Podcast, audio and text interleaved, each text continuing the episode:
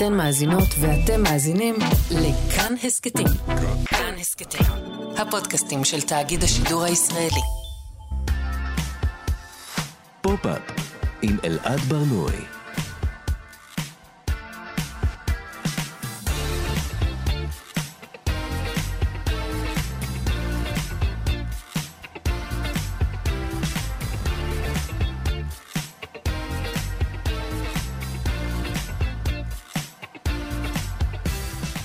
שלום, בוקר טוב, כאן תרבות, אתם על פופ-אפ. בכל שבוע אנחנו מדברים כאן על התרבות שמעניינת באמת, כל יום חמישי בשעה 10 בשידור חי, ב-104.9 ו-105.3 FM. ניתן להזין לנו גם כהסכת, באתר של כאן, ביישומון של כאן וביישומוני המוזיקה וההסכתים השונים. איתי באולפן טל ניסן שמפיקה את התוכנית, טכנאי השידור הוא שרון לרנר, בוקר טוב לכם. אני אלעד ברנועי, בואו נתחיל.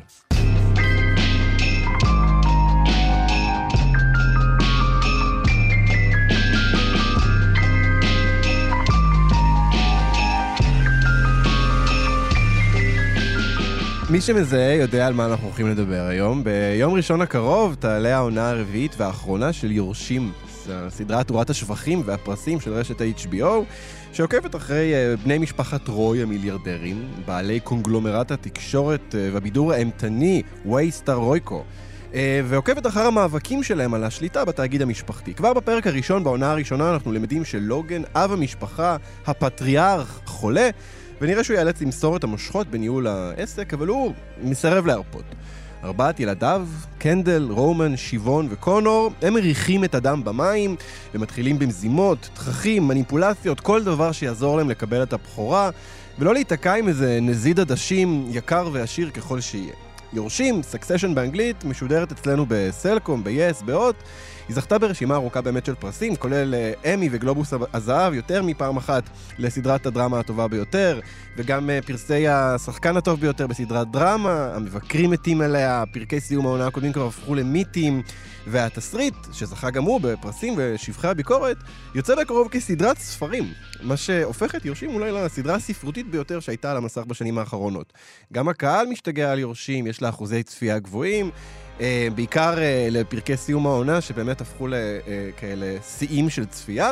יש בהם גם עיסוק נרחב מאוד ברשת, זאת למרות שהיא מתרחשת בעולמות רחוקים משלנו, משל רובנו לפחות, אבל אולי כי היא עוסקת בשני הדברים שמעסיקים את כולנו בדרך כזו או אחרת. משפחה וכסף, גם אם אתם צופים ביורשים וגם אם לא. היום בתוכנית אנחנו נשאל למה סדרה עם שורה של דמויות איומות, בלתי נסבלות, שאין בהן טיפה של חמלה, ודי קשה להזדהות איתן, מושכות אותנו כל כך. אה, האם דמות מורכבת חייבת להיות מגעילה, או שאולי מדובר במניירה? אנחנו נדבר גם על אומנות שעוסקת באושר, בעין, עיסוק שגובר מאוד בשנים האחרונות, ונצבע באור מסוים, שיפוטי, שלא לומר לעגני בדרך כלל, אבל איכשהו לא מצליח לדבר באופן ביקורתי באמת על דברים כמו חלוקת משאבים או כוח. אפרופו כוח, אנחנו ננסה גם להבין אם משפחה, כל משפחה, היא בעצם עסק, או תאגיד, ואולי שדות הכוח הפוליטיים, החברתיים, הכלכליים, נותרים איכשהו אה, מחוץ לארוחות המשפחתיות. פופ-אפ עם אלעד ברנועי. אחד הדברים הכי מעניינים בסדרה יורשים, הוא שמדובר בסדרה עם דמויות די איומות, אבל ממש איומות. אחת-אחת, דמויות נרקיסיסטיות, אנוכיות, מסואבות, מרוכזות בעצמן, מפונקות, זה חבורה של מיליארדרים שבעים ומשועממים שדי עסוקים בלתקוע סכין בגב אחד לשני. ולמרות שאין שם ממש דמות שאפשר להזדהות איתה, לפחות במובן הרגיל של המילה הזדהות, כי הן כל כך רחוקות מהחיים שלנו, ולמרות שקשה למצוא שם גם חמלה, מדובר באחת הסדרות הכי נצפות והכי מדוברות של השנים האחרונות, הכי מאותרות בפרסים, ובאמת לקראת העונה החדשה שעולה שבוע הבא, כבר מתחילה להירשם התרגשות כזו של הסדרות האלה שמחכים משבוע לשבוע לפרק ובורחים מספוילרים. ואנחנו ננסה להבין קצת יותר טוב את העניין הזה עם הדמויות ביורשים, ולמה אנחנו בכל זאת לכודים אה, בתוכן, ויעזור לנו עם זה הסופר אסף גברון. בוקר טוב, אסף. בוקר טוב. אסף, אתה כתבת, אה, כששודרה העונה הקודמת של יורשים, אתה כתבת על אה, קנדל רוי, על אחת הדמויות, אה, שהוא דמות השנה בטלוויזיה. למרות שאני חייב להגיד, מדובר בדמות די נוראית. מה, מה, מה הוביל אותך לכתוב את זה? אני מניח שפשוט, אני מאוד אוהב את קנדל, אבל אני, אני מסכים עם כל מה שאמרת קודם, הוא מיליארדר מפונק, שגדל אה, עם כפית זהב בפה, והוא לוזר, וכל מה שהוא מנסה לעשות הוא לא מצליח. אה, הוא הורה כושל, הוא הורה ממש רע. אה, הוא חסר אחריות, הוא, הוא, הוא ממש נקנה כזה, ולא מצליח, לפעמים הוא גם מגעיל לכל מיני אנשים, במיוחד שמתחתיו נגיד בחברה. כן, הוא, גם- הוא גם עשה דברים איומים לאורך העונות. נכון. אבל איכשהו אתה, אתה, יש משהו שכל פריים שהוא נכנס לתמונה, אתה, אתה, אתה פשוט נכנס למין ציפייה כזאת וחיבה כזאת של מה הוא יעשה עכשיו, ומה יעשו לו עכשיו, ואיך אה, הוא יצליח לצאת מזה, ואתה רוצה שהוא, שהוא, שהוא ישרוד את כל המכות האלה. אה, למה? זאת שאלה טובה. אני באותו מאמר בהארץ אה, ניסיתי לטעון שזה בגלל האהבה, כן, שהוא, שיש בו המון אהבה, בסופו של דבר. ו- ועכשיו שלו. אה, שנה ומשהו אחרי שכתבת את זה, אתה עדיין, אתה עדיין מאמין לזה? מה, מאז שכתבתי את זה לא קרה כלום, כי לא, כי לא שודר כלום. אני כתבתי את זה בסוף העונה הקודמת. נכון, נכון.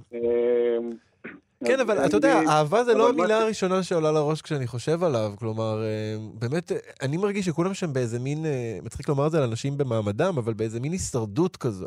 כל הזמן, אה, כל אחד רק. מנסה לקדם את עצמו ולחזק את עצמו. אהבה זה משהו אחר, זה זה מנוע אחר.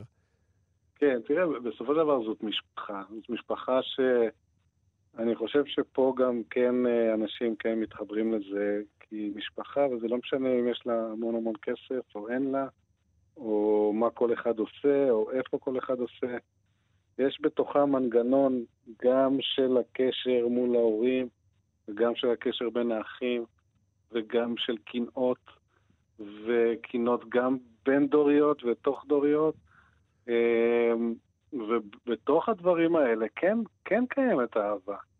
גם כשאתה בהישרדות וגם כשאתה מנסה להוכיח את, עצמו, את עצמך פעם אחרי פעם. אני חושב שמול אבא שלו, מול לוגן, שהוא גם, הוא כביכול האיש הכי אכזרי שם מכולם, כן.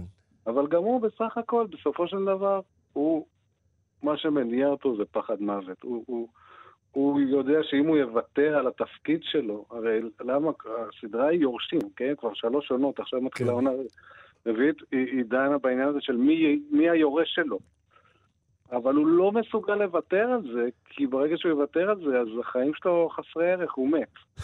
הוא בסך הכל בן אדם שלא רוצה למות. אז זה, זה גם כמובן מעורר הזדהות, כי... אבל אסף, יכול להיות מאוד- שאנחנו עושים כאן איזושהי הנחה לדמויות האלה בזה שאנחנו אנחנו אומרים אה, שמה שמניע אותם זה פחד, זה אהבה, כי אה, אה, כאילו יש איזה משהו בדמויות שהן, סליחה, כן, אבל שהן דוח- דוחות, ויש להן אישיות מגעילה, שזה כאילו נראה לנו אולי באיזשהו אופן מורכב יותר. כלומר, אתה אומר לעצמך, וואו, אם הוא מתנהג ככה, כנראה שיש לו באמת איזושהי מורכבות. אולי פשוט מדובר באנשים מגעילים. לא, לא, אני, אול- אתה יודע מה, אולי, זה, זו דעה לגיטימית, זאת תזה לגיטימית, אבל אני, אני חושב שלא. אני חושב ש, שהבנייה של הדמויות, הכתיבה, שהיא מדהימה, והמשחק, במיוחד אני חושב, אתה יודע מה, אני אפילו לא יודע אם במיוחד שתי הדמויות האלה, אבל, אבל קנדל ו, ולוגן. זה שני שחקנים שפשוט אתה, אתה, פשוט אתה מתמוגג ואתה מאמין ואתה מתחבר. אין, אין כל כך, אה, אין כל כך מה לעשות נגד זה, ולא צריך לעשות נגד זה. אסף, אתה, אתה חושב שהזדהות אה, עם דמויות זה דבר הכרחי בשביל אה, להתחבר ל- לסדרה, בשביל ליהנות ממנה? לא, לא רק סדרה, לסרט, לספר. הזדהות זה, זה מרכיב חשוב? כן, אני חושב שזה בסיס. בסופו של דבר, כל קורא או כל צופה צריך איכשהו להתחבר למה שהוא רואה ולהאמין לזה ולהרגיש את זה. ו- ודרך הרגש, אה, הוא, הוא גם אכפת לו ממה שקורה, ולכן הוא ממשיך לקרוא או לצפות. והזדהות זה, זה המרכיב אה, אחד, אחד הגדולים כאן. אני, חושב שבהחלט התשובה היא כן. זה מעניין כי uh, זה כאילו סדרה שהיא מאוד עכשווית, uh, וגם היא, עוסקת, היא עוסקת בתהליכים חברתיים עמוקים. גם במה שעובר כזה על הליברליזם, בפופוליזם, בכלל בנפש האנושית ובתשוקה האנושית להצליח, אולי לאהוב באמת, כמו שאמרת, אבל יש בה גם משהו מאוד, מאוד מנותק בטח מהחיים שלנו, אה, שלך ושלי לפחות, או של רוב המאזינים והמאזינות, כי זה, זה נמצא באיזה מין באמת מגדל שן כזה, אנשים שאנחנו אפילו לא, לא מסוגלים לדמיין אה, איך הם חיים. אה, יש, אני חושב שבעונה הראשונה יש איזו סצנה שאחד הבני דודים, הדודה שלו שואלת אותו אם הוא יכול להביא לה כסף, היא צריכה כסף למכונה, הוא מביא לה את השטר האחרון של ה-20 דולר שואל על משהו כזה, והוא נשאר בלי כסף. ועכשיו, הוא מוקף באנשים נורא נורא נורא עשירים, ואין לו אפילו דרך לת, לתקשר להם את הדבר הזה, את הדבר הזה שכולנו מכירים, של פתאום, היי, הכרטיס לא עבר, היי, אין לי כסף כן. בארנק. ויש משהו ב, ב, בסדרה הזו שהוא כל כך מנותק מאיתנו, אה, ועדיין אנחנו, אה, אנחנו מצליחים לפתח כאן איזושהי, איזושהי, איזשהו חיבור אה, מאוד מאוד עמוק. תראה, קודם כל, יש גם את העניין של הצצה אקזוטית בעולם שאתה לא מכיר. אנחנו אוהבים כן. uh, להסתכל על זה. גם נניח לוטוס הלבן, שהצליחה שנה שעברה, uh, ולאו דווקא אקזוטיקה עשירה. כל מיני סוגי uh, אקזוטיקה שרחוקה מאיתנו, זה כן מושך לראות. הכתיבה והסיפור והמשחק, אה, זה לא משנה שזה, זה לא משנה שזה רחוק מהחיים שלנו. אנחנו, אנחנו שוב, זה רחוק וזה לא רחוק במובן העמוק יותר של משפחה, של יחסים בין אחים, של יחסים עם הורים. אני, אני, לא, אני לא רואה פה פרדוקס אה, כל כך, אה, אה, כל כך מפתיע. אני חייב לומר. יש, תראה, נגיד הלוטוס הלבן זה דוגמה טובה, כי זו סדרה שמאוד מנכיחה את, ה, את הדבר הזה, אתה יודע, זה כבר נהיה איזה מין catch phrase כזה, שאתה אומר, זה כמו בלוטוס הלבן. אה, אנשים ש, שמראש מוצגים לך באופן שהוא טיפה סטריאוטיפי, והם אנשים בחופשה, הם, יש להם איזה, הם נראים מגוחכים מלכתחילה באיזשהו אופן, אה, וזה מאוד מסומן כ, כמשהו שאנחנו יכולים כזה להסתכל על, על עצמנו ביחס אליו. אה, ובכל זאת ביורשים זה, זה עולם, כלומר זה ממש עולם שאנחנו נכנסים אליו, ואנחנו, אתה יודע, אה, אתה יכול ממש להרגיש תחושה קשה של שברון לב כשמשהו שם קורה, כשבסך הכל מדובר על, אה, על מאבקי כוחות, על שליטה בתאגיד תקשורת, כולו רשע. לא, לא, לא, אבל זה לא, זה לא, זה, זה במאבק כוחות, כש, כשקנדל מבטיח, שלוגן מבטיח לקנדל שהוא יירש אותו, ואז הוא לוקח את זה ממנו. ברגע האחרון, פעם אחר פעם אחר פעם, זה לא אה, מנהל תאגיד שמוסר את השליטה למנהל אחר, זה אבא ובן. כן, כן, כן. אתה מבין? זה, זה לדעתי הנקודה. והבן הזה, ש, שהוא כמובן דפוק לגמרי מילדות, כל האחים, עם אבא כזה, ועם אימא כזאת, שגם כן. אותה אנחנו מכירים. הם, uh, אתה, אתה פשוט צופה ב, ב, ב, בניסיון שלהם לצאת, לצאת מהמעגל הזה של הדפיקות. כן, ברור, ויש איזה מקום שאתה אומר מה הם בוחרים, יש להם כל הכסף שבעולם, הם יכולים עכשיו לפרוש וללכת לאן שהם רוצים ולעשות מה שהם רוצים. אין להם את הקטעים uh, שלנו לגמור את החודש ולמצוא את השכר דירה וכל זה. אבל uh, בסופו של דבר אני חושב שאתה, שאתה חוזר לזה בגלל התכונות האנושיות ש, שלא קשורות ל, ל, לחיצוני. כן, טוב, בסוף, אתה, אתה ממש בסוף זה משפחה, כלומר, כולנו, אם נרצה ואם לא, כולנו מכירים את זה uh, מקרוב, כולנו יודעים איך המנגנון הזה עובד. אסף, אנחנו ממש צריכים לסיים, אבל אני רוצה לשאול אותך, אתה, אתה נרגש לקראת העונה החדשה? מה, מה אתה צופה ש, שיבוא לנו? אמ, אני, כן, אני מצפה. ראיתי את, ה, את כל הטריילרים, אולי לא את כולם, אבל ראיתי כמה טריילרים. אמ, קשה לדעת, זאת עונה אחרונה, הם הודיעו. זאת אומרת, ההודעה הזאת גם הגיעה רק לפני איזה חודשיים-שלושה, זה לא היה ידוע כל הזמן. כן. שזה כבר מפתיע, ו- וכמובן זה מחייב פתרון, כי מה שקרה בשלושת העונות הראשונות זה בעצם אותו דבר. נכון, כל פעם זה ברגע כל האחרון, פעם כן. לוגן היה צריך להוריש את זה לקנדל, או שקנדל ניסה למרוד איכשהו, כן. או ששלושתם ניסו למרוד, ולא הצליחו ברגע, בסוף. פה חייב להיות פתרון. אני, אני מאמין, אולי זה צפוי מדי, אבל שכשהוא ימות. שלוגן לוגן ימות. כי בלי למות הוא לא יוכל לוותר על זה. עכשיו, כן. השאלה אם, אם הוא ימות רק בסוף ולא נדע מי היורש, או שהוא ימות לפני הסוף ו- וכן יהיה לנו... אה, וכן יהיה לנו אה, איזשהו מאבק בין האחים. לא יודע, ההימור שלי, אבל שלוגן ימות. טוב, אנחנו אה, נתחיל, אה, נתחיל אה, לפרק את הדבר הזה החל משבוע הבא. אסף גברון, תודה רבה. נגיד גם למאזינים ולמאזינות שיצא לך השבוע נובלה חדשה, המלט, אה, בסדרת פוסט-קאפ של אה, הוצאת פרדס ומכון ון ליר. אה, נובלה בעיניי פשוט מעולה, אז אני אשלח את המאזינים והמאזינות אה, לקרוא גם אותה וגם את הנובלות האחרות שיצאו בסדרה. אה, אסף גברון, תודה רבה לך תודה. על השיחה הזאת. תודה רבה. פופ-אפ עם אלעד ברנועי.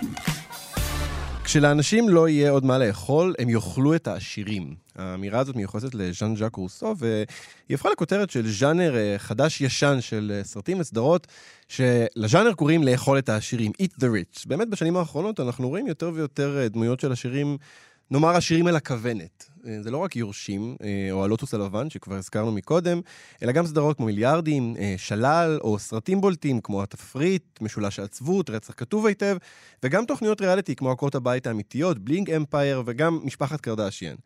אמ, אנחנו רואים עשירים שנדמה שלא רק שלא ממש טוב להם באושר שלהם, אלא הם מוצגים באופן נלעג, לעיתים קרובות כאילו ממש איבדו קשר למציאות, ואנחנו בתור הצופים אה, מביטים בהם, אה, מלגלגים להם, בזים להם ולחידלון שלהם. ואנחנו נשאל עכשיו מה באמת יש באומנות העושר הזאת, וגם מה אין בה, ויעזור לנו בעניין הזה הסופר והמשורר שמעון עדף. בוקר טוב, שמעון. בוקר טוב אלעד. שמעון, אתה לא משתגע על יורשים, בוא נגיד את זה. אה, כן, אני... אה, אני אומר, אני אומר את זה לכל מי שמוכן להאזין, ואין הרבה. בקשר לסדרה הזאת, אני צפיתי בעונה הראשונה ממש בחירוק שיניים ובזעם הולך וגובר. אה, לא רק בגלל הסדרה אה, ואיך שהיא עשויה, אלא גם הצורה שבה התקבלה והשיח שהתפתח סביבה, שהיה בעיניי מוטה וגם קצת...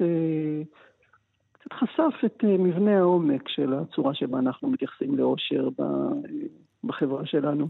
ש- שמה הכוונה? כלומר, אנחנו רואים פה את האושר ב- בתור, אפשר לומר, אתה יודע, הוא מוצג באופן שלילי אה, בסדרה, כן. נכון? זה, זה, זה, זה ב- במילה אחת.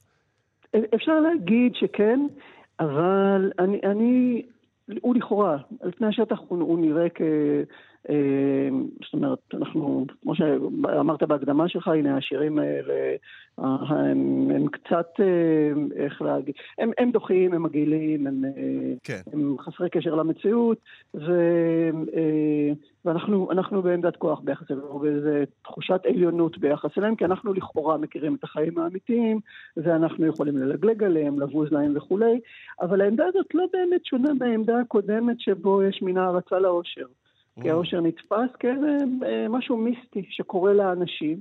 הוא לא קשור, אין לו היסטוריה, אין לו, אה, הוא לא קשור לעוולות חברתיות, הוא לא קשור אה, ל, אה, אפילו חוקים, אה, אתה יודע, מיסוי אה, או אה, חלוקת משאבים לא הוגנת, או אה, באמת, אה, אתה יודע, כל הדברים שמרכיבים את החיים. וב, תשמע, באופן כללי אני חושב שהאושר מציב בעיה בפני האומנות אה, כנושא. כן. ו, אה, ויש לי כמובן תיאוריה בעניין, אבל יש לי תיאוריה על כל דבר, חוץ מעל עצמי. רגע, אז בוא, בוא, בוא נשמע את התיאוריה. למה, למה, למה זה קשה ל, ל, לייצר אומנות שעוסקת באושר בצורה שהיא אה, מורכבת, מעניינת, טובה?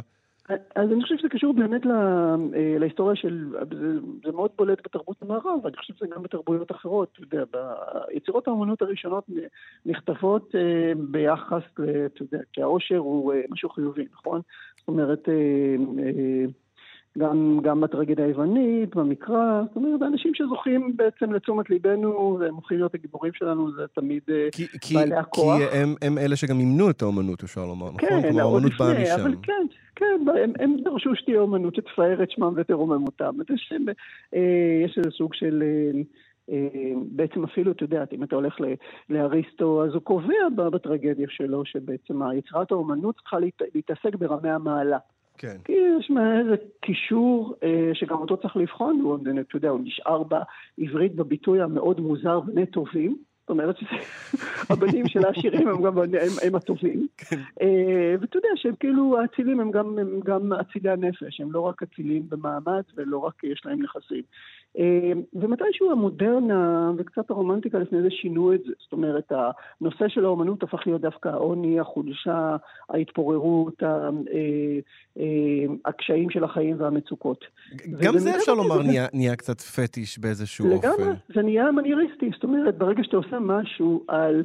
ש, שדן בעוני, מיד זה זוכה למעמד של אומנות. בזמן שהעושר נדחק לתוך, ה, אה, בוא נגיד, המופע הראווה של, של התרבות, מה שאנחנו קוראים לו בידור היום. זאת אומרת, כן. זה הכל, אה, זה, ואז, ואז אתה יודע, אתה יכול להתחיל ולראות איך יצירות שעוסקות בעושר הופכות להיות יותר ויותר אה, נדחקות לתרב, לתרבות הפופולרית, ואנחנו רואים את זה במאה ה-20.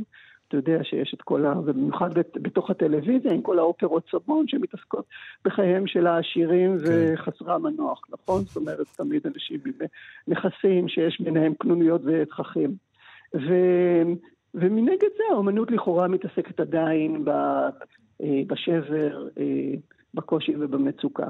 זה, זה מעניין מה שאתה אומר, אני פתאום חושב על זה שדמויות עשירות הן פחות סובייקט באופן, באיך שהן מוצגות. כלומר, אדם עני בתרבות הוא, וואו, סובייקט הרבה יותר עמוק ומורכב.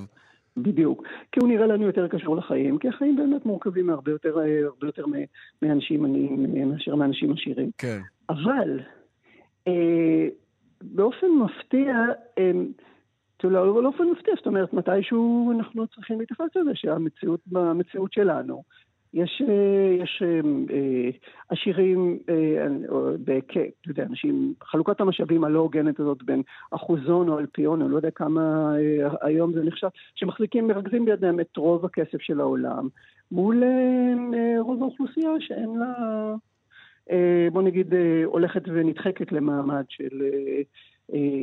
מה שפעם היה המעמד הנמוך, זאת אומרת, מבחינה, מבחינה כלכלית. וצריך לטפל בזה איכשהו, ואני חושב שה...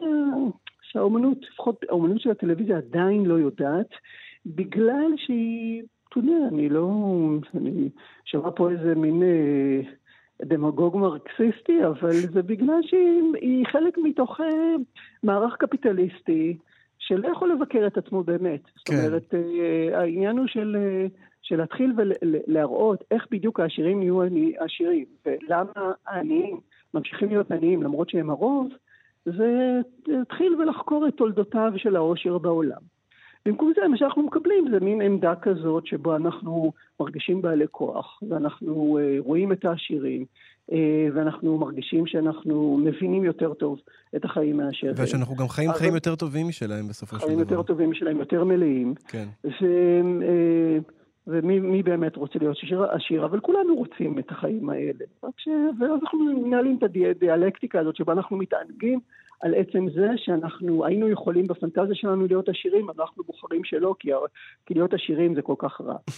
אתה יודע, אני אה, חושב, אני חושב בהקשר הזה על, על, על מוזיקת פופ ואי-פופ, יש איזה, איזה תווך כזה בעיסוק בכסף. יש מצד אחד את העניין הזה של שירים שהם בלינג, שהם כאלה, שמענו מקודם את קרדי בי, מדברת על כמה היא אוהבת כסף כן. באופן מאוד לא ביקורתי. אחרי זה, בסוף השיר היא מקושרת בין האהבה שלה לכסף לאהבה שלה לבת שלה, באמת, זה באמת לא ביקורתי. ו, ויש מנגד שירים כמו של אריאנה גרנדה, והמון שירים כאלה, Seven Rings, שהם שירים שמציגים את האושר בתור אה, ריקני ובתור אה, משהו רע, אה, אבל זה התווך, כלומר, התווך זה בין, זה בסוף, אני, ממש ממה שאתה אומר, אני לוקח כאן את הפטיש משני הצדדים, או שהאושר זה דבר רע ונורא, או שהאושר זה פשוט דבר לחגוג אותו. בדיוק, וזה ממלא אותה פונקציה, שבה אנחנו... לא מוכנים לפרק את העושר, במובן של להגיד, אוקיי, בואו נתחיל לבדוק למה, וזה מה שיצירת האומנות צריכה לעשות בזמננו, הרי, הרי אם היא ביקורתית, היא צריכה להתחיל ולפרק איך העושר נהיה, מה, מה, איך, איך זה קרה, איך זה ממשיך לקרות, למה זה קורה. במקום זה אנחנו מקבלים שוב ושוב יצירות שמייצרות את האושר כמשהו, שוב, אמרתי את זה קודם כמשהו מיסטי, ובעצם זה שאנחנו מתענגים על זה, אנחנו גם בסופו של דבר מאששים את המצב הקיים. זה לא משנה אנחנו בזים להם או מעריצים אותם. בסופו של דבר הם, אה, תראה, אני אומר הם, אני יודע, אתה יודע, אני מיליונר בסתר, אני פשוט לא מגלה את זה לאיש. שמעון, אנחנו ממש אה, לקראת סיום, אבל אני רוצה לשאול אותך, יש, אה, יש חריגות? יש יצירות שמצליחות לעשות את זה? יוצאות דופן בהקשר הזה? אמ, אני, אני בספרות כן, בקולנוע ובטלוויזיה עוד לא ממש ראיתי. וואו. זאת אומרת, אני עדיין מחכה שזה יקרה. אמ, אני, אה, אתה יודע, בהיפ-הופ אני מבין פחות, אבל ממה שאני אה, למד ממך זה שגם שם, דווקא שם הייתי מצפה, מאחר שזו אומנות של מחאה, ששם יהיה הרבה יותר אה, דיון יותר מורכב. ואולי יש אומנים שעושים את זה, אני לא מכיר. יש, האמת שאצל. קנדריק למר יש הרבה עיסוק בכסף, אבל שוב, זה, זה, זה כמעט תמיד מוצג כ, כ, בז'אנר הזה של עשירים זה, עשירים הם רעים, א', אבל, אבל, אבל האמת שזה, שזה גם לא מדויק לומר, כן, אצל קנדריק למר כן יש אה, אה, לפחות שיר אחד שאני יכול לחשוב עליו, Money Trees, אה, שהוא מנסה להבין מאיפה הכסף מגיע לאנשים, אה, אבל, אבל כן, זו יצירה, יצירה יחסית חריגה. איזה, איזה יצירות ספרותיות אה, אה, עושות את זה בצורה אה, טובה? אז תראה, היו, אה, היו את היצירות של וויליאם גדיש, הוא, אני חושב שהוא אולי הוא לא תורגם לעברית, אבל הוא סופר עם מודעות כלכלית מאוד אמריקאי, מודעות כלכלית אה, מאוד, אה, אה, אה, מאוד חדה, והוא, יש לו למשל רומן על אה, נער שבונה אה, אה, בונה אימפריה, והאימפריה נופלת. אה, אה, אני חושב שדון דלי לא יודע להתעסק בזה. Mm. אני חושב שבאמת יש, יש לא מעט סופרים אמריקאים שמבינים את המנגנון הזה, איך זה עובד, וגם הספרות פחות פוחדת אה, להיחשד כקומוניסטית או כמי שמשיגה או מערערת את, ה, את היגיון הקפיטליזם. כן. ו, אה, וה, והקולנוע בגלל, אתה יודע, והטלוויזיה בגלל שהם ממש מסורגים בתוך המערכת כן, הזאת, לא ממש הייצור, יודעים, כן. כן, לא ממש יודעים לטפל בזה. טוב, אז בינתיים. אה, אנחנו קוראים לכל, לכל אה, יוצרי הטלוויזיה והקולנוע, אה, תשתחררו, תשתחררו מהכבלים שלכם, אתם יכולים לדבר על אושר בצורה אחרת. הסופר והמשורר שמעון נדב, תודה רבה לך על השיחה הזאת. תודה, אלעד. להתראות. המשך יום נעים, ביי. עם אלעד ברנועי. שני דברים בחיים אנחנו לא בוחרים, משפחה ומעמד. אה, אולי גם אה, שני דברים שלא אמורים באיזשהו אופן אה, להתערבב אחד בשני, משפחה וכסף, אבל אה, יכול להיות שהחיבור הזה הוא לא כזה מופרך אה, ומלאכותי כמו שהיינו רוצים לחשוב, ושמשפחה לא ממש אה, מנותקת משאר מעגלי הכוח אה, שיש אה, בחיים. אגב, אם אה, בני המשפחה שלי מאזינים, אה, אני לא מדבר עליכם, אתם יכולים אה, להמשיך הלאה. אה, אבל עכשיו אנחנו הולכים לדבר קצת על העניין הזה של משפחה אה, בתרבות והאופן שבו היא מיוצגת, ואנחנו נעשה את זה עם איילת גונדר גוש, אה, סופרת פסיכולוגית במרכז בריאות הנפש שלוותה. בוקר טוב, איילת. בוקר טוב, אלעד. איילת, אנחנו נתחיל רגע מלדבר על יורשים, אה, ומשפחת טרוי. את חושבת שזה ייצוג של אה, משפחה נורמטיבית, או שזה איזה מין כזו פנטזיה מופרכת? אני חושבת שגם פנטזיה מופרכת איכשהו תמיד מחוברת למשפחה הנורמטיבית. אולי זה החיבור שמשפחות נורמטיביות לא אוהבות לדבר עליו, אבל זה לא אומר Mm. שהוא לא קיים. מה שמעניין ביורשים זה שמצד אחד זו סדרה שהיא כאילו הכי רחוקה מאיתנו, אם אתה מסתכל על כל המסוקים והווילות והאיים הפרטיים, ומצד שני היא מדברת על חוויה נפשית שכל אדם בעולם יכול להזדהות איתה. החוויה הזאת של ילד מול הורים שלא באמת רואים אותו, או של יריבות בין אחים, זה הכי רחוק אבל זה גם הכי קרוב. Mm, כלומר, המבנה הזה, לא משנה איפה אנחנו מניחים אותו, גם אם זה אה, מתחיל אה, בתנ"ך, מיתולוגיה, ספרות, אה, אה, תאגיד רשע ענק אה, אה, ששולט בעולם התקשורת, בסוף משפחה זה משפחה. ממש ככה, אתה חושב על זה קצת כמו ה-DNA של הנפש האנושית, כי אתה מסתכל על מיתולוגיות שונות, תסתכל נגיד גם על המיתולוגיה היוונית שהזכרת, גם על המיתולוגיה היהודית, סיפורים שונים בעולם, שכולם, המשפחות הראשונות בהן, מופרעות לא, לא פחות ממשפחת רוי, אם, אם לא יותר. תסתכל נגיד על המשפחה הראשונה אצל היוונים, בכלל, המיתולוגיה היוונית, המילה הזאת יורשים, הם לא סובלים אותה. יורש, הרעיון של מישהו שבא אחריי ונשאר כאן אחריי ומקבל את כל מה ששלי, הוא משהו שהיוונים, קרונוס, השליט של הטיטנים, הוא נולד לאורנוס ולגאיה, הדבר הראשון שהוא עושה זה לוקח פטיש, מסרס את אבא שלו, מנשל אותו. אחר כך הוא בעצמו לא רוצה ילדים, אפשר להבין למה, ובאמת יואו. ברגע שזהוס מצליח לשרוד, הדבר הראשון שהוא עושה, מסרס את אבא שלו, מנשל אותו. מה זה אומר לנו על התפיסה של היוונים, חיי משפחה? זה, בעצם אומר לנו כבר אז הייתה איזושהי תפיסה שמצד אחד אתה הכי רוצה יורש ושואף ליורש, והחלום של כל אבא זה שיהיה לו יורש, ומצד שני, אם אני אגיד לך, אלעד, פגשתי עכשיו את היורש שלך ברדיו. אתה לא רגוע מזה, נכון? אני הולך, אני הולך ומטפל בו, מה? אבל איילת, אבל בעצם, אה, את יודעת, כאילו, אנחנו, אה, כשאנחנו מדברים היום על משפחה, אנחנו אומרים, אה, את יודעת, אנחנו משפחה, אנחנו כולנו ביחד. יש איזו מחשבה מאוד מאוד מנחמת ונעימה ומאוד מאוד רחוקה מהדברים האלה. איך הגענו משם לזה? אני חושבת, כאן אני יודעת כמו פסיכולוגית, שזה לא או-או, זה גם וגם. Mm. זאת אומרת, בכל רגע נתון אתה באמת מחזיק את שני הדברים הנורא נורא שונים האלה, את האבא המגונן, הכל יכול. תחשוב על השיר כי אבא שלי הוא הכי בעולם. לגמרי שיר שקנדל ושיג יכולים לשיר, נכון? נכון. החוויה הזאת של אבא כל יכול ומגונן, היא חוויה ש, שאנחנו גם כמהים אליה, גם אם יש לנו מזל, קיבלנו איזושהי חתיכה ממנה, אולי אפילו הרבה ממנה. ובו זמנית, אבא כל יכול. תחשוב על המשפט הזה של עמיחי, אלמלא האל מלא רחמים, היו רחמים בעולם ולא רק בו. אבא כל יכול, אבא מלא. לא משנה אם הוא מלא ברחמים או מלא בכוח. תמיד משאיר את הילד, גם, גם קצת מסורס. אם אבא הוא הכי בעולם, אז, אז כמה מקום בעולם יש לי? והקונפליקט הזה הוא לא מבטל את כל הטוב שיש במשפחה. הוא רק אומר שבצד הטוב יש, יש עוד דברים שצריך להכיר בהם. אה, את, אני, את מדברת ואני כבר שומע, את יודעת, אני כבר אה, מדמיין את חדר הטיפולים, אמרנו, את, את אה, פסיכולוגית. יש משהו נורא מדכא וכמעט פרימיטיבי בדבר הזה, שכולנו כל כך סרוגים במשפחתיות הזו, בדינמיקה המשפחתית, במה ההורים שלנו עשו, ואיך אנחנו תופסים אותם. כאילו, אנחנו יצורים, את יודעת, אנחנו מגיעים למקומות בעולם, אנחנו מטיילים, אנחנו כובשים פסגות, אנחנו מתבגרים, ועדיין אנחנו עסוקים באימא ואבא ובאחים. מה זה הדבר הזה? יש בזה משהו ש, שבעיניי הוא, הוא דווקא מרגש אם אתה חושב על זה. הרעיון הזה שאתה יכול לעזוב בית, אתה יכול לנדוד לקצה השני של העולם, בית בא איתך. הוא כתוב לך באמת ב-DNA של הנפש. אתה משאיר את הטביעות אצבע שלך, אתה משאיר את הטביעות אצבע של הבית שלך. אה, וזה גם לטובה וזה גם לרעה. זה לא אומר שאתה לא יכול לזוז משם. אבל באיזשהו מקום, גם כשאתה זז משם, על זה שגם ילד שנגיד אה, מוקיע את אבא שלו ויורד על אבא שלו בכל מקום, תחשוב על, ה, על העונה השלישית של היורשים, אוקיי? גם כשאתה מוקיע ובועט בדמות של האבא, אתה בעצם עובד מול דמות אחת, שהיא הדמות של האבא.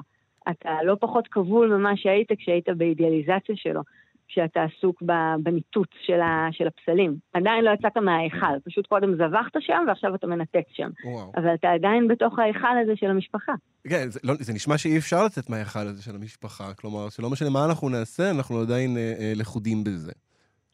השאלה אם אתה יכול להתמקם שם אחרת, בעיניי. זאת אומרת, להגיד, אני לא אעזוב את ההיכל הזה לגמרי, כי באמת, גם אם אני אשרוף אותו עד היסוד, משהו ממנו יישאר בי. אבל מה המשהו הזה? איך הוא משפיע עליי? האם אני חייב להיות שכפול של מה שהיה קודם, או שהדרך שזה משפיע עליי זה שאני אהיה אחד שמצליח לעשות את זה אחרת? זה, זה כבר יכול להיות שכן בשליטה שלנו, mm. אני מקווה לפחות. איילת, את יודעת, מדברים הרבה, אמרתי את זה גם מקודם, על העניין הזה של אה, נגיד עסק מול משפחה, נכון? אה, אה, משפחה זה מקום שכאילו אמורים להשאיר בחוץ, נגיד בארוחת שישי, אנחנו נשאיר בחוץ את כל השאר הדברים. מערכי כוחות, כסף, פערים מגדריים, כל הדברים האלה הם כאילו לא, לא באמת אמורים להיות חלק, לפחות ממשפחה מודרנית כפי שאנחנו תופסים אותה היום. אה, הדבר הזה נכון? אנחנו, אנחנו באמת מצליחים לנתק את הדברים האלה, או שבסוף המרחק בין עסק או תאגיד ובין משפחה הוא לא כזה גדול כמו שהיינו רוצים לדמיין? זו שאלה ממש מעניינת. קודם כל אפשר לכפור בעצם הרעיון שמשפחה מנותקת מכסף, ולהגיד שהתא המשפחתי מאז ומעולם, עוד, עוד אז כשהוא נוצר, התחיל כיחידה כלכלית, נכון? נכון. אתה תיתן לי ככה גמלים, אני אתן לך את הבת שלי, זה, זה נשמע כמו עסק. האהבה הרומנטית לכאורה החליפה את, ה, את הרעיון הזה לטובת אה, רומנטיקה, זה לכאורה הכי רחוק מכסף, אבל אז באה אווה אילוז ואומרת לנו, רומנטיקה זה האם אימא של הכסף. זאת אומרת, נכון. הקמת משפחה זה דבר שאפשר לתרגם אותו ל, ליחידות כלכליות, גירושים זה דבר שאפשר לתרגם אותו לחתיכת משמעות כלכלית.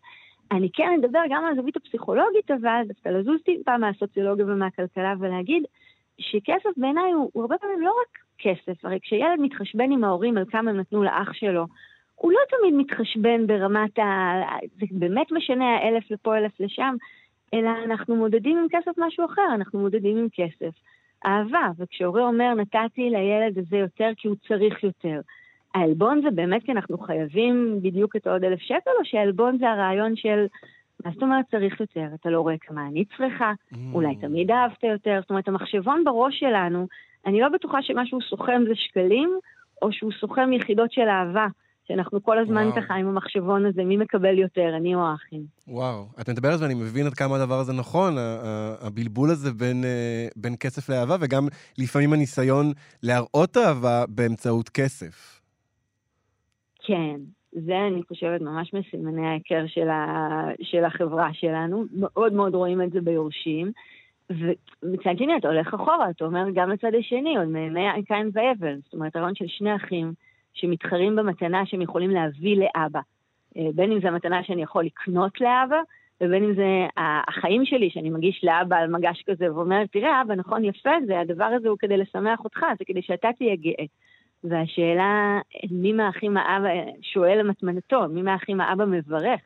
והרעיון שהצורך הזה לשמח את האבא ולגרום לאבא לראות אותי, יכול להביא אותי כזאת רצחנות ביחס לאח, זה המקומות שאני מרגישה שאהבה וכסף וכוח הם, הם כל כך מתערבבים אצלנו. יואו, את, את יודעת, אה, אה, אה, הרבה, הרבה פעמים בתוך ההקשר הזה של עסק ומשפחה, אז גם יש אנשים שיגידו, אה, לא מערבבים אה, עסקים ממשפחה, ואני חושב שגם כשאנחנו מסתכלים על משפחות כמו אה, אה, משפחת אה, רוי ביורשים, גם הסופרנוס, אבל אה, באופן קצת שונה, אנחנו רואים מה קורה אה, כש...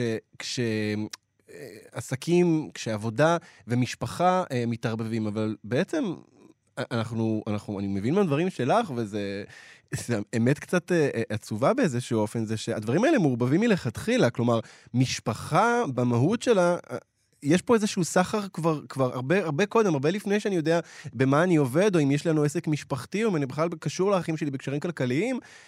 יש איזושהי, איזשהו משא ומתן, ו- וכך ותן, ממש מהיום שאנחנו נולד, נולדים לתוך המשפחה. אתה אומר משהו בעיניי מאוד נכון, זה באמת רגע טוב להזכיר גם למשפחה שלי, שאנחנו מדברים על משפחות בספרות ובמיתולוגיות, אבל לא על המשפחה הספציפית שלנו, כי זה נורא מפחיד לחשוב את הדברים האלה על המשפחה של עצמך. אבל, אבל אני חושבת ש, שאתה צודק במובן זה שאצל רוב האנשים, אני לא מדברת על אנשים שבאמת במאבק קיום יומיומי, אבל בחברה המערבית, אצל רוב האנשים, כשאנחנו מדברים על עסקים, אנחנו לא מדברים על, על היכולת ממש מהיד לפה, אנחנו מדברים בעצם על שאלות של ערך.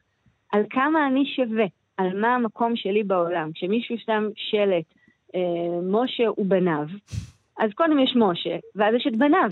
וזה לא משנה כרגע אם משה הוא הבעל של התאגיד תקשורת הגדול בעולם, או אם משה הוא הבעל של מספרה. מה קורה כשלבניו נמאס להיות בניו?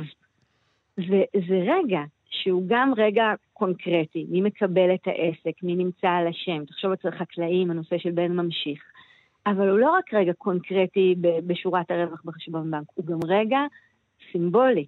מה המקום שלי בעולם? מי יושב ליד הכיסא בארוחת שישי? מי עושה את הקידוש? האם זה עדיין משה, או שזה הרגע הזה ש, שבניו תפסו מקום? וואו. איילת, אנחנו ממש צריכים לסיים, אבל אני רוצה לשאול אותך, שוב, בתור פסיכולוגית, נגיד עכשיו מגיעה אלייך משפחת רוי, או, או מספיק אחד מהם, נגיד קנדל, אחד הבנים, מגיע ואומר לך, וואו, מה, מה אני עושה? איך אני מתמודד עם כל השדים האלה שמתרוצצים לי בראש? מה, מה את אומרת לו ככה בשלוף? שמע, קנדל זה בן אדם שאתה לא יכול לטפל בו בשלוף, הבן אדם צריך אנליזה טובה כזאת של שבע שנים קדימה. אבל אני, אני חושבת שה... שחד משמעית הדבר הראשון שאנחנו צריכים לעבוד עליו עם קנדל זה דאדי אישוז. זה נראה לי ברור. דדי אישיוז, כלומר, הצורך הזה לרצות את האבא, להיות כמוהו, זה איזה מין קשר כפול כזה. פרויד דבר פה על תסביך הדיפוס, על הילד שרוצה להוכיח שהוא לא פחות גבר מאבא, מסורס על ידי האבא, ומי כמו לא גם יודע לסרס. ומנסה להיות רצחני נגד האהבה, ובו בזמן, וזה מה שהופך את הרשם מספר כל כך טובה, עם כל השנאה שיש שם, יש שם גם רגעים שאתה, שאתה רואה את האהבה, שאתה רואה שזה לא רק שנאה ותחרות, וזה הרגעים בעיניי שהופכים את הסדרה למעניינת. זה מעניין, את, גם בתחילת התוכנית אסף גברון דיבר על, על אהבה. אני מודה שאני מאוד מאוד מתקשה, מתקשה לזהות שם איזושהי טיפה של אהבה או חמלה. אני כן רואה רצון לתיקוף עצמי ולהגשמה ולהכרה, אבל אהבה, אני, אני, לא, אני עדיין לא, אולי בעונה הבאה אני אצליח לזהות את זה, אני לא יודע. תזכר איך הם הגיבו כשהוא, כשהוא רק חטף את השבץ בעונה הראשונה. לרגע אחד פשוט ראית שלושה ילדים אבודים שרוצים את אבא שלהם חזרה. ברגע שהאבא חוזר להיות גדול, אז אתה יכול לחזור לשנוא אותו. אני יכולה להגיד לך שאני, כשאימא שלי חלתה בסרטן, אחד הדברים הכי נוראים שהיו, זה שלא יכולתי לריב איתה יותר. יואו. זאת אומרת, ברגע שהורה נהיה חלש, אתה, אתה פתאום נבהל גם מההרסנות שלך ומהתוקפנות שלך, ואתה רוצה לשמור עליו כאילו הוא ילד. ואחד הדברים הכי כיפים כשיש לך הורה חזק זה שאתה יכול לריב איתו כמו שצריך. כן, יש משהו מאוד מאוד מכעיס כשההורים שלנו אה, אה, מפסיקים לגלם את, ה, את התפקיד הזה. נראה לי אבל שאנחנו נעצור את הטיפול הפסיכולוגי המשפחתי הזה בדיוק בנקודה הזו. איילת גונדר גושן, תודה רבה לך על השיחה הזאת. תודה. וזהו, אנחנו הגענו לסוף התוכנית, פופ-אפ וכאן תרבות. את כל השירים מכל התוכניות אפשר למצוא בפלייליסט מתעדכן, חפשו בספוטיפיי פופ-אפ. תודה לטל ניסן על ההפקה, תודה לטכנאי השידור שרון לרנר, אני אלעד ברנועי, להתראות.